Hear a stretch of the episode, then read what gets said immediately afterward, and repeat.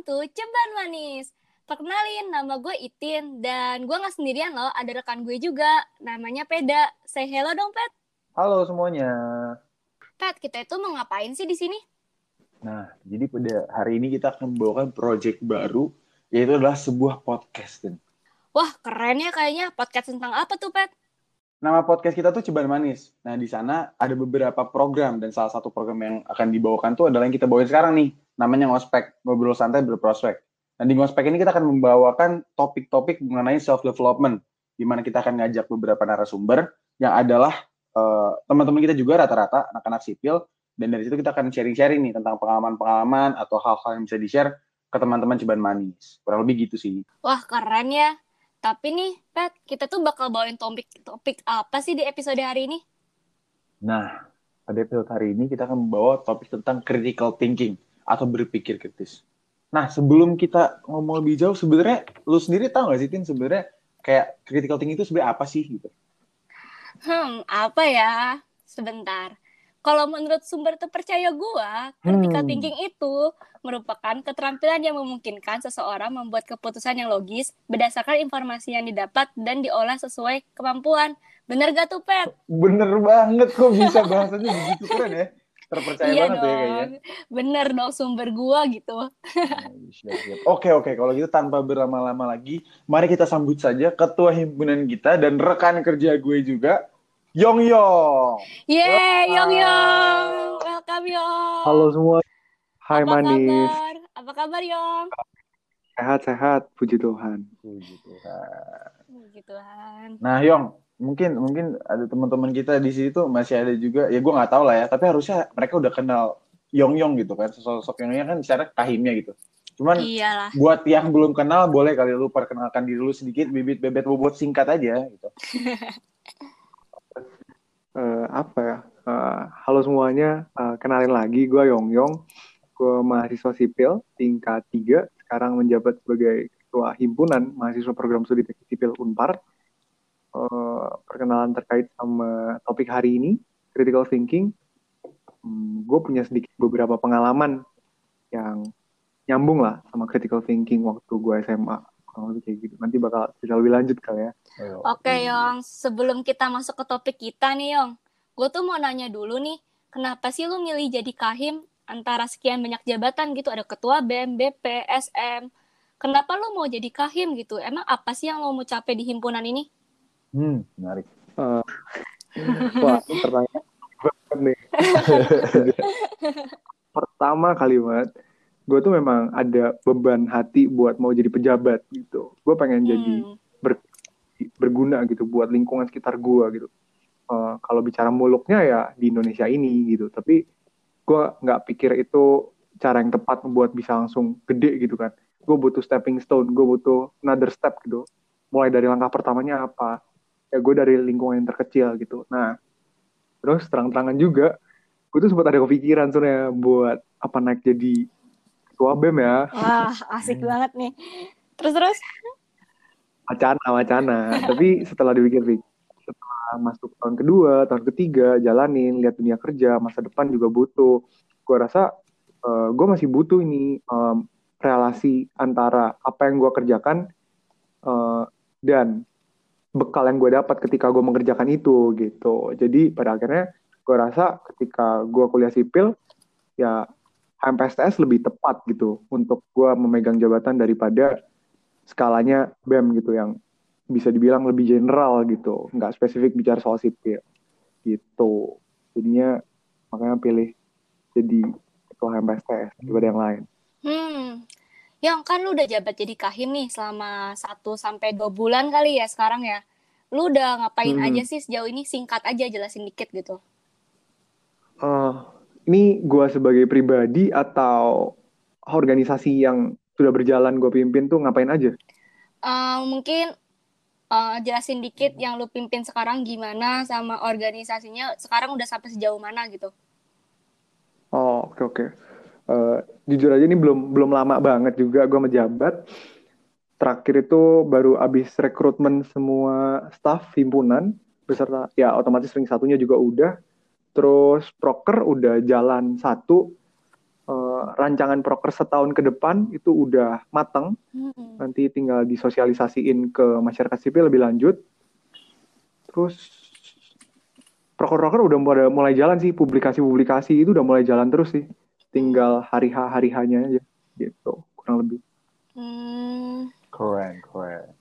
Ya, kalau himpunan sih sebenarnya ya ya kita nggak jauh-jauh ya ya rekan kerja saya sih ke- kebetulan yang kalau gitu kalau gue sih gue nggak mau menanyakan soal itu ya karena ya udahlah. Jadi gue langsung ke topik kritisnya nih Yong. Ini kulitnya dulu nih gue pengen tahu nih kenapa banyak teman-teman ceban manis yang bilang lu tuh orangnya kritis? Jadi kayak dari mana dari mana pandangan itu dari teman-teman gitu pandangannya boleh jelasin dikit gak? Eh, kayaknya tracknya agak panjang ya. Cuman kalau di trace dari zaman maba tuh ya maba kan ada pembinaan. Hmm. Nah, terus kan dituntut tuh buat ngejawab, ditanyain apa harus ada yang speak up. Di situ gue salah satu orang yang speak up. Oh, keren Nah, nih. itu mulai start, startnya banget itu sebenarnya di situ. Berani buat speak up dulu gitu. Dengan kondisi tekanan segitu besarnya, ditanya apa, harus jawab lumayan cepet ya, gue speak up di situ karena gue rasa tekanannya harus gue lawan. Sebenarnya bermula dari pemberontakan. Jadi, Mulai dari situ. Oke, terus orang mulai notice tuh. hmm. Terus mulai untuk ke eh, kegiatan-kegiatan tertentu, gue diminta untuk menjabat juga tuh di salah satu kegiatan waktu itu. Terus ada yang namanya Go Public, presentasi. Iya. Nah, serem itu. kami di situ para pejabatnya, ring satunya, itu benar-benar apa ya, diuji mentalnya di situ. Ditanyain semuanya, dituntut untuk merancang suatu rancangan yang detail banget, yang memikirkan segala pertimbangan, memikirkan segala aspek dan bahkan worst case worst case yang hampir mungkin tidak kejadian itu dituntut untuk mikir sampai situ gitu. Jadi waktu presentasi udah kayak sidang aja tuh. Dan kalau misalnya salah, kalau misalnya kacau, wah disikatnya parah banget. Terus satu tipping point yang gue rasa paling ngena sehingga teman-teman manis nih bisa kasih gue cap itu kayaknya waktu GP itu ini gue kan menjabat sebagai wakil ketua waktu itu wakil ketua dua. Di situ gue bisa speak up dan apa ya kasarnya berargumen lah di depan semua orang di depan para senior dengan tekanan sebesar itu dengan pertanyaan sekencang itu gitu. Eh, di antara eh, kami bertiga wakil dua sama ketua satu gue rasa gue cukup bisa berargumen di depan itu waktu itu Hmm. nah dari situ mulailah orang-orang kayak ngecap wah ini anak nih ini anak nih begitu Hmm. Terus lebih lanjut lagi, kalau misalnya ada yang GP, ketika gue jadi penonton, eh, gue itu orang yang curiosity tinggi, jujur aja. Jadi waktu orang presentasi, kalau gue lihat something wrong gitu, gue tanya gitu. Dan gak jarang pertanyaan gue itu pada akhirnya eh, susah dijawab sama mereka. Karena mereka mikirin sampai situ atau gimana, terus dilanjutin sama abang-abang gitu. Nah udahlah, capnya makin kenceng aja dah di situ. Oh. Keren ya. Menarik, menarik, menarik. Tapi tapi lu inget gak Yong? Kayak em, pertama kali lu dibilang adalah orang yang kritis itu pertama entah pas SMP, entah pas SMA atau pas di maba itu, lu inget gak momen pertama kali ada orang kayak nyeplos ke lu? Dasar orang kritis atau ah lu mah kritis Yong atau apa gitu? Ingat gak lu? Wah, inget sekali gue kapan tuh, kapan waktu SMP itu ceritanya. Guru gue, jadi gue tuh eh, SMP agak nakal Hmm. kan, suka ya Oh, macam-macam bad lah. boy. Terus waktu itu inget banget, gak bad boy juga, cuma nakal SMP gitu lah. Terus ceritanya waktu itu pelajaran bahasa Indonesia tuh. Nah, si gurunya nih presentasi. Waktu itu gue masih inget, gak akan lupa gue. Dia jelasin soal singkatan yang sesuai dengan KBBI. Misal kayak BU butuh uang, ah gitu-gitu loh. Nah, terus jelasin PPT tuh bahkan nggak pakai PPT, dia ada file gitu kan. Cuma di scroll gitu. Ini PPT eh ini singkatan-singkatan kalian bisa cari di internet atau Hmm. apa gitu. Nggak dibagi gitu. Sedangkan kami anak SMP ya, loh belum kenal internet dan sebagainya kan, belum se belum sepengertian Nggak itu gitu, ya. belum seaktif itu. Iya, jadinya lah anjir, nih guru kenapa nggak dibagi? Terus habis itu gurunya ke toilet. Wah udah, gue sama geng gue langsung ambil flash disk, ngopas lah langsung ya. file oke terus dua hari kemudian dipanggil sesuatu wajir di interview sesuatu diinterogasi sama tuh Mhm. guru kayak interogasi polisi tay terus giliran waktu gue dipanggil ya gue jujur dong gue tipikal orang yang jujur dan ya bisa dibilang lumayan berani lah jadi kalau misalnya ada yang nggak betul gitu gue ngomong gue ngomong apa Hmm. adanya ditekan kayak apa ngomong apa apa Hmm. adanya gitu jadi ya berani aja terus inget banget tuh guru gue cowok kenceng banget dia kalau ngomong terus dia bilang setelah gue ngomong apa gitu dia bilang kamu pandai bersilat lidah ya gitu Bacot ya gitu kasarnya.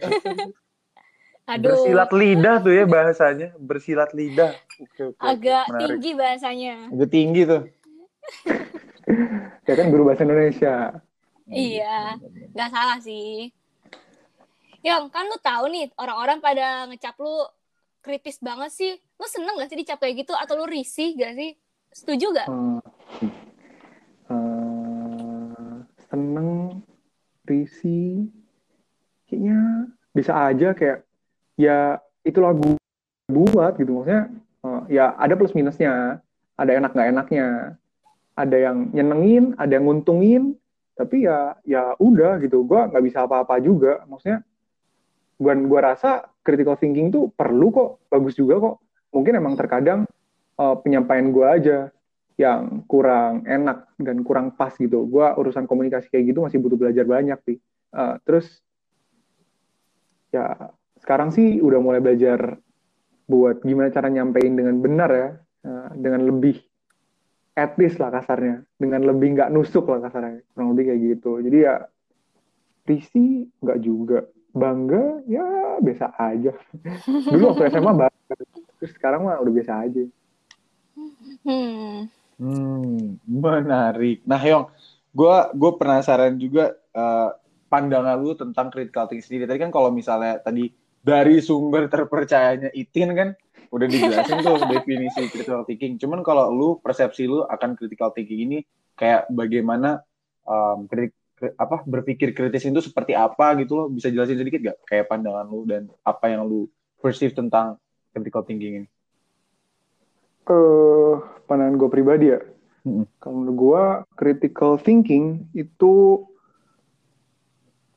eh, kondisi di mana seseorang itu bisa berpikir tepat sasaran gitu. Jadi dengan segala situasi, background, latar belakang yang ada dari sebuah kasus atau sebuah pernyataan atau sebuah hal pokoknya apa pun itu, itu orang itu bisa tahu gitu. Oh, dengan kondisi kayak gini kemungkinan kejadiannya ini itu ini itu atau oh dengan statement kayak gini oh berarti orang itu tuh mikirnya dari latar belakang ini itu ini itu dan dari situ Hmm. dengan bekal yang cukup dia bisa address nih oh flaw-nya atau kelemahan dari argumen ini tuh apa? Di titik mana? Kenapa? Pembenarannya di mana gitu. Jadi sebenarnya critical thinking tuh apa ya? Kayak uh, thinking path gitu loh. Jalur berpikir gitu. Ketika seseorang itu bisa berpikir secara runut, rasional dari awal sampai akhir, ada benang merah yang jelas dan uh, addressed well, gue rasa itu critical thinking sih. Dia dia bisa menempatkan poin yang tepat dalam kondisi yang pas gitu. Hmm, ya, ya, menarik, Hmm. menarik. Iya sih, benar banget yang yang bilang. Yang kan lu organisasi nih sekarang, khususnya himpunan nih sekarang kan. Seberapa Mhm. penting sih adanya critical thinking di dalam organisasi lo sekarang ini? Terus kita tuh anak teknik sipil tuh butuh gak sih? Maksudnya perlu gak punya critical thinking ini? Jelasin dong Hmm, benefitnya dari critical thinking ini gitu. oh, Oke oke. Oh, Pertama perlu digarisbawahi dulu. Critical thinking tuh eh, kalau dilihat lebih generalnya kan sebenarnya kayak berpikir runut gitu, logically gitu, logically and rationally, terus detail gitu kan. Eh, gua rasa critical thinking dibutuhkan semua orang sebenarnya. Semua orang harus bisa ngerti dan tahu caranya berpikir kritis gitu, sehingga dalam kondisi yang mereka hadapi, mereka bisa eh, solving the problem in front of them. Nah, kalau bicara kaitannya sama organisasi di HMPSS, em, ya secara general pasti organisasi, namanya organisasi, bekerja dengan skala yang cukup besar, tanggung jawab yang cukup besar, dengan jumlah orang yang tidak sedikit, latar belakang yang banyak, uh, karakter yang berbagai macam dan berbagai macam variabel yang sangat-sangat beragam, ya critical thinking di sini sangat-sangat dibutuhkan. Buat apa? Buat bisa addressing correctly gitu. Jadi dengan berbagai macam variabel yang ada, dengan adanya critical thinking tuh orang bisa nentuin jalurnya yang mana yang benar gitu. Pilihannya yang mana yang benar gitu. Kondisi mana yang menentukan kejadian itu terjadi atau kondisi mana yang menentukan keputusan itu terpakai atau terjadi kayak gitu. Jadi penting banget sebenarnya kalau dari segi berorganisasi. Terus lagi pertanyaan apa? Uh, benefitnya. Benefitnya. Oh. Ini sih, kalau pertama ya, yang jelas yang paling gampang, kalau dari segi teknis, hmm. misalnya ngejalanin sebuah acara, atau mempresentasikan sesuatu, ya pastinya rancangannya itu bisa dibilang basisnya kuat gitu. Semua, segala sesuatunya bisa dipertanggungjawabkan gitu. Orang-orang, karena orangnya waktu bikin, ketika dia kritis, dia dia bisa memikirkan, oh ketika gue mempresentasikan ini, maka orang akan berpikir demikian. Nah, waktu orang berpikir demikian, kira-kira dia bakal tanya apa sih? Pola pikirnya ke mana sih? Nah, nyambungnya ke mana sih? Nah, waktu presentasi, jadi harusnya bisa ada basis yang kuat di situ mm-hmm. dalam menjelaskan itu. Itu benefit yang jelas. Terus kalau teknisnya, kalau bicara soal program kerja, nah, orang yang kritis itu, dia biasanya detail. Dia bisa ngerti gitu. Hari H, kondisinya kayak apa, orang-orang yang datang siapa aja, apa aja yang harus di-prevent. Ketika uh, ring satu dari program kerjanya itu orangnya kayak gimana, dia tahu harus bertindak dan bersikap seperti apa. Dan waktu hari H sekalipun, ketika ada kekacauan atau gimana, orang yang udah biasa mikir kritis tuh biasanya lebih cepat gitu. Kayak, oh gini, kenapa nggak ini, kenapa nggak itu? Semuanya tuh ada dicoba gitu di pikiran dia. Dan nanti dia bisa lebih cepat nemuin uh, jalur yang benernya gitu. Gitu. Hmm. Nah ini sebenarnya menarik banget sih. Ini juga ini juga tadi kan gue gue sharing dikit juga kali ya. Kayak diskusi sedikit kayak itu benar banget yang tadi yang bilang kayak soal uh, bagaimana ya memang harusnya semua orang tuh punya critical thinking. Karena menurut gue itu isu juga sih di ya apa ya di society kita sekarang tuh. Jadi kayak banyak orang yang nggak hmm. memiliki pemahaman tentang critical thinking. Kan sebenarnya critical thinking secara simpelnya itu ya lu berpikir secara logis gitu loh, berunut. Jadi kayak uh, lu punya konsep pemikiran kayak mana yang kira-kira jadi kalau misalnya ada masalah mana kira-kira jadi sumber masalah kayak gitu kasarnya gitu. Nah menurut gua betul, yang kita betul. lacking di masyarakat sekarang tuh bahwa untuk orang-orangnya mencerna informasi seperti apa makanya kayak banyak banget ya gua nggak ngomong politik ya cuma memang kenyataannya adalah orang Indonesia tuh sangat gampang disetir kasar gitu dengan berita-berita iya dengan membaca berita headline headline berita aja orang tuh bisa panas dan bisa sampai turun ke jalan gitu untuk demonstrasi dan menurut gua critical thinking itu krusial banget sih kalau buat uh, pengembangan sebuah negara di mana masyarakatnya tuh jadi kayak punya apa ya well educated lah. Jadi orang nggak se sembarangan informasi nggak cuma sekedar lihat terus menyampaikan. Jadi kayak bener-bener memahami dan punya cara pemikiran pemikiran yang logis ya gitu. Itu menurut gue kayak gitu sih. Benar-benar setuju setuju setuju. Nah Yong ini pertanyaan selanjutnya nih gue pengen tahu nih. Uh, menurut lu tuh kapan orang idealnya memunculkan uh, kemampuan untuk bisa berpikir kritis. Idealnya, jadi kayak nggak usah terlalu early juga kan, gara-gara kita nggak bisa jamin semua anak-anak tuh bisa uh, memiliki kemampuan itu cepat. Cuman idealnya minimal pas umur berapa lah, kira-kira pas kapan lah punya kemampuan ini gitu. Uh, ini bicara konteksnya di Indonesia hmm. lah ya hmm. tentunya, dengan kondisi edukasi di Indonesia, pendidikan di Indonesia. Yes. Uh, kalau di trace back ke bibitnya, sebenarnya critical thinking itu bermula dari curiosity. Mm-hmm. Semakin orang itu punya rasa penasaran yang tinggi, biasanya dia cabang pemikiran itu makin banyak gitu. Mm-hmm. Kalian pernah baca juga harusnya di internet kalau kalau uh, uh, IQ yang lumayan tinggi kalau nggak salah itu tuh kayak neuronnya tuh banyak banget atau gimana gitu. Pokoknya lebih banyak daripada orang yang biasa aja hmm. atau agak malas atau gimana hmm. gitu. Nah, gue rasa cabang bibit pertama itu dari curiosity. Ketika anak-anak itu punya curiosity yang tinggi, sering kali uh, banyak orang atau kondisi lingkungan itu menekan curiosity itu gitu. Sehingga anak itu kayak stop gitu, berhenti gitu curiosity-nya. Itu harusnya dipupuk nomor satu. Nah, terus kalau dilanjutin ke critical thinking, benar-benar literal di critical thinking-nya, menurut gue waktu yang tepat itu di SMA sih. SMP tuh dikasih bibit-bibit sih. Mhm. Kalau misalnya orang Indonesia dari kecil tuh curiosity-nya ditekan, ya oke berarti SMP itu waktunya untuk membibit ulang gitu, memupuk ulang gitu. Gimana caranya supaya anak-anak tuh mulai uh, penasaran gitu, punya rasa pengen tahu yang tinggi gitu, mikir ke mana-mana gitu. Nah di SMA itu waktu yang tepat banget menurut gue buat uh, addressing, point out, critical thinking-nya harus diarahkan ke mana, dilatih secara benar itu di SMA sih menurut gue. Karena waktu nanti mereka masuk kuliah itu bakal berguna banget, ngebantu banget buat menjalani kehidupan selanjutnya.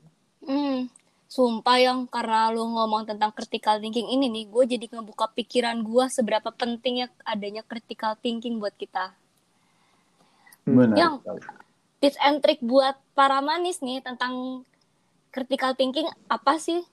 Hmm, tips and trick ya. Iya. Uh, yang pertama ya kayak yang tadi gue udah bilang aja sih, langkah paling dasar tuh ya curiosity-nya digedein dulu. Ya kalau misalnya kalian nggak biasa punya curiosity yang tinggi, ya paksa dikit-dikit buat tanya lebih lanjut. Kalau diajak ngobrol soal ini itu, coba cerna pikir terus kayak tanya lebih lanjut. Nah, mungkin awalnya maksa, mungkin awalnya terkesan kayak anjir ini orang ngapain sih gitu. Tapi as time goes by, ketika kalian sudah tahu apa yang kalian memang penasaran kan, itu bisa leading to critical thinking. Itu tips yang pertama. Yang kedua, perlu disadari, critical thinking tuh nggak semata-mata datang gitu aja. Apalagi dengan kondisi lingkungan yang berbagai macam, yang bisa menekan, yang nggak suka, yang ya berbagai macam lah. critical thinking tuh harus dilatih, mau nggak mau. Mm -mm. Cara gimana? Uh, waktu mikir sesuatu, waktu brainstorming, atau decision making, coba buat tulis gitu pikir secara runut gitu.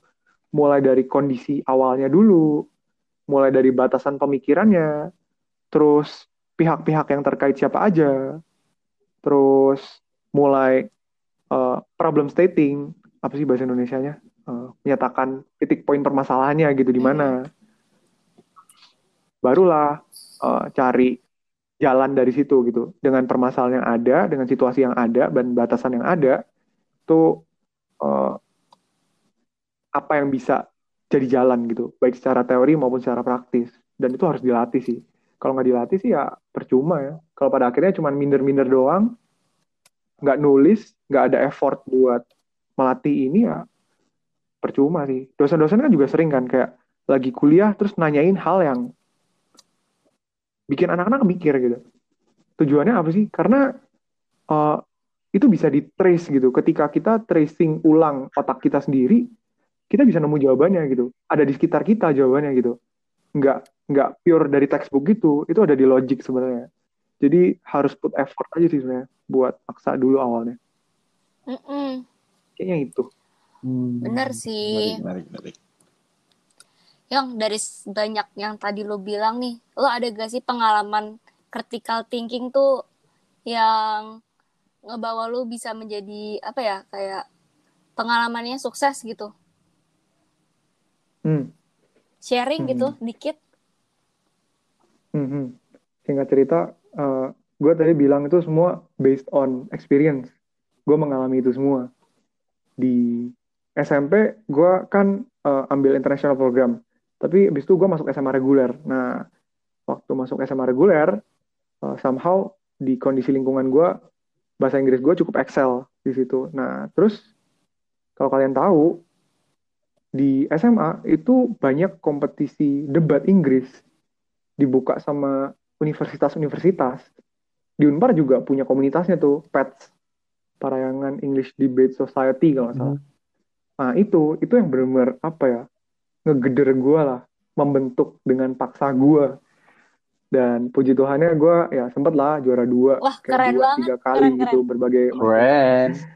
itu itu tipping point banget sih. Gue gue bener-bener bisa mikir berjam-jam nonstop mikirin argumen coret-coret di papan tulis bertiga sama temen tektok bolak-balik serang-serangan bahkan ada coachnya juga sama guru juga tektok searching di internet wah benar-benar semuanya dijalanin dah sampai jam 2 malam sampai wah itu benar-benar kacau banget lah.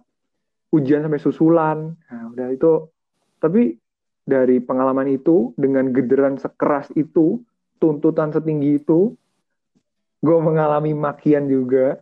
Bukan makian sih sebenarnya dia nggak maki cuman omongannya keras keras banget. Dengan semua yang gue lewatin yaitu membentuk gue jadi pribadi yang nah, cenderung nusuk tadi itu tapi ya memang gue bisa berpikir tajam dari situ itu sih Hmm. Dari awalnya Gila harus itu. dari apa prosesnya itu SMA ya ditanamnya dari SMP bener gak Yong? iya iya benar-benar SD mah main aja dulu cari teman yang banyak Jangan kecepatan juga ya. Iya, stres nanti buat apa? Anak-anak dikasih beginian, aduh, nggak tahu gitu buat apa. Mending juga latih soft skill, eh, sosialisasi sama teman-teman, kenalan, karakter ya gitu gitulah. Ngapain sampai kritis duluan? Orang baca juga belum ya? Aduh, Yong Yong kan kata lu prosesnya SMA. Kalau misalnya ada orang baru mikir kuliah gitu loh. Maksudnya dia tuh baru bisa berpikir kritisnya tuh pas kuliah itu telat gak sih menurut lo? Atau pas kerja? Kalau telat berarti nggak Oh, dicoba iya dong. Eh, critical thinking tuh bakal dipakai seumur hidup sih menurut gue. Pasti bergunanya sih. Di dalam segala hal yang dihadapin dalam hidup, itu critical thinking tuh pasti kepake. So, nggak ada kata terlambat sebenarnya. Ya memang specifically kalau bicara dari dunia akademisi, ya mungkin bisa ngebantu di dalam pendidikan ya. Tapi jangan berpatok ke situ lah. Buat apa kalau pada akhirnya belajar cuma buat dapat nilai atau bermanfaat di semasa kuliah doang gitu. Orang yang bisa berpikir kritis nanti waktu kerja tuh biasanya lebih excel juga gitu karena waktu orang dengar pemikiran dia kayak banyak yang nggak ngeh gitu. Oh ini orang kok bisa mikir sampai situ Hmm. gitu loh. Kayak itu pasti bakal membantu banget gitu. Apalagi nanti waktu eh, dewasa waktu punya pegang tanggung jawab yang lebih besar Mm-mm. itu pasti kepake banget. Jadi nggak ada kata terlambat tin. Benar-benar nggak ada kata terlambat. Kalau sadar harusnya lebih dulu mulainya ya artinya harus ada kesadaran paksa diri lebih secepat mungkin dong kalau gitu Benar-benar. Menarik, menarik, menarik. Bener sih, nggak ada kata terlambat. Catat ya itu para manis. Diingat. Hmm.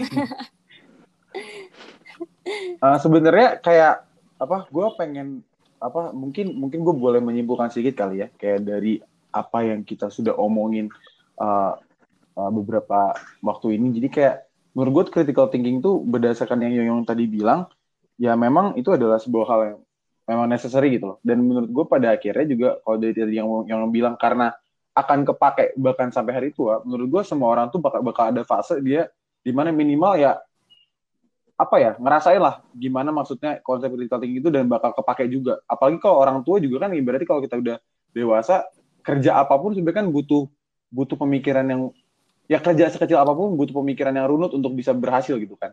Dan menurut gue itu itu benar-benar itu benar-benar ya benar-benar benar gitu loh. Dan eh, tadi Yongnya juga bilang sebenarnya diawali dengan kemauan ya nggak sih Yong. Kayak lu punya lu punya curiosity lu Hmm. punya penasaran eh, punya rasa penasaran di mana eh, lu jadi pengen tahu banyak hal. Dan menurut gue dari gathering so much information dari situ lu bisa mulai menyusun-nyusun gitu. Oh mungkin hal-hal ini tuh terjadi gara-gara ini. Mungkin hal-hal ini ter- nggak terjadi gara-gara ini. Dan dari situ lu bisa melatih pemikiran lu. Jadi lu setiap melihat sesuatu tuh bukan cuma ngeliat sesuatu itu tapi ngeliat kenapa ada sesuatu kenapa ada sesuatu itu dan kenapa sesuatu itu seperti itu. Jadi kayak nggak sesimpel melihat aja gitu loh. Jadi nggak you don't see you look gitu kan. Karena orang juga bilang kayak gitu dan Hmm. eh, bagaimana mulai bisa juga kata Yongnya tadi bisa eh, dengan cara lu mulai mencatat. Jadi kayak tentang hal-hal yang lu baca kah tentang gimana gimana kah lu ber- berlatih beranalisa sebenarnya nggak perlu se ekstrim apa pun cuman sekedar lu mau dan lu mencoba menurut gue tuh lu bakal mulai melatih kayak gitu kan.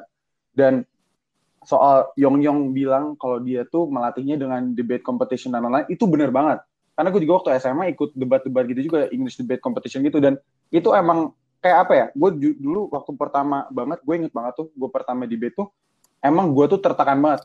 Gue tangan gue dingin kaki gue gemeteran gara-gara gue belum pernah gitu kan Iya kan Bener. bayangin yang tekanannya Gila itu. lu harus uh, lu harus argumen terus lu harus menyampaikan dengan uh, my second language gitu pada saat itu gue sama saya nggak fluent sama sekali gitu kan benar-benar baru belajar baru belajar dan benar-benar tegang dan dari situ saat lu udah mulai get the hang of it jadi berpikir kayak debat itu kan lu menyerang argumen orang dan lu bagaimana membuat argumen lu bisa diterima. Nah itu kan berarti lu harus melalui proses pemikiran yang runut gitu kan. Kenapa ini, kenapa ini, kenapa ini, dan bagaimana gue mengubah ini menjadi ini kasar gitu. Dan itu benar-benar melatih lu juga. Dan itu bagus juga kalau teman-teman mau mempraktekkan, siapa tahu kan jadi rame tuh parahyangan apa parahyangan English debate community community-nya itu jadi rame gara-gara Yong Yong kan kita nggak tahu siapa tahu gitu. Iya sih. ya ya kurang lebih kesibukan itu. Oh iya sih benar apa yang dibilang Pede tuh benar Yong Yong juga benar. Yang sebelum mengakhiri nih gue mau tanya dong kesan pesan lu selama apa sih selama podcast ini berjalan. Kan ini episode pertama nih masa ada harapannya gak ada kesan pesannya gak mm -hmm. buat para manis biar dengerin nih? Harapannya kalau bicara soal self development ya uh, ya didengerin sambil lalu lalang aja. Maksudnya sambil ngerjain apa atau sambil bersihin kamar kayak atau apa ya sambil denger aja. Maksudnya ini bukan topik yang Betul. harus dikuliahin gitu loh. Kayak cukup sambil mikir-mikir oh gini ya oh gitu ya oh coba ini ah atau oh coba itu ah gitu. Sekedar jadi insight aja sih pemantik pemicu aja gitu harapannya ke depan podcast ini bisa ringan tapi ada dagingnya gitu dan ah, didengar sama banyak ada orang. dagingnya. Uh, apa namanya? Uh, mau tambahin dikit? Yuk Pin, hmm? Pet, sama teman-teman manis. Satu tips ya mungkin kalau misalnya kalian ngebet banget nih kayak gue harus banget nih bisa critical thinking cara gimana? Tolong bantuannya gitu kan. Uh, one of a good way yang gue selalu pegang dan biasanya juri-juri debating competition tuh selalu bimbing kalian itu satu. Always ask why. Ketika kalian membuat statement ketika kalian membuat argumen itu why itu nggak bisa ditanyain satu kali gitu. Bahkan bisa 10 kali ditanyain gitu sampai nggak bisa benar-benar mentok gitu. Ketika jawabannya itu sudah menjawab why sampai berhenti ya udah bisa dibilang itu argumen yang kuat gitu. Somehow somehow perlu sampai sedetail itu gitu. Jadi buat teman-teman yang mau banget belajar, kalian bisa kalau tertarik dengan debat ya kalian bisa mulai cari-cari gitu. Kayak banyak kan eh, kebijakan-kebijakan pemerintah atau kondisi-kondisi yang um, bias yang berpihak ke salah satu pihak atau kelompok yang ditentang masyarakat. Nah, itu kalian bisa pikir gitu kayak ketika kalian setuju dengan hal itu, kalian bisa mulai pikirin kayak Kenapa kalian setuju? Apa landasannya? Memangnya kalau misalnya kalian setuju dan orang-orang setuju, dampaknya bagaimana? Imbasnya sebesar apa? Ya, always ask why gitu. Why, why, why, and why gitu. Ketika kalian bisa jawab itu terus, ya itu kalian secara nggak langsung latihan critical thinking. Itu aja sih dari gue. Bener sih. Jadi kalau gue pikir ya critical thinking itu kita nggak boleh kayak ikut-ikutan orang ya kayak harus dari dasar dari diri kita sendiri itu Bener, bener banget. Nah, para manis, nggak kerasa nih udah cukup lama kita nemenin kalian. Semoga dari episode hari ini, kalian mendapatkan secepat informasi dan secepat manfaat ya. Jangan lupa stay tune terus untuk dengerin episode-episode selanjutnya di podcast Ceban Manis. Cerita bareng teman sipil. Bye-bye! See you guys!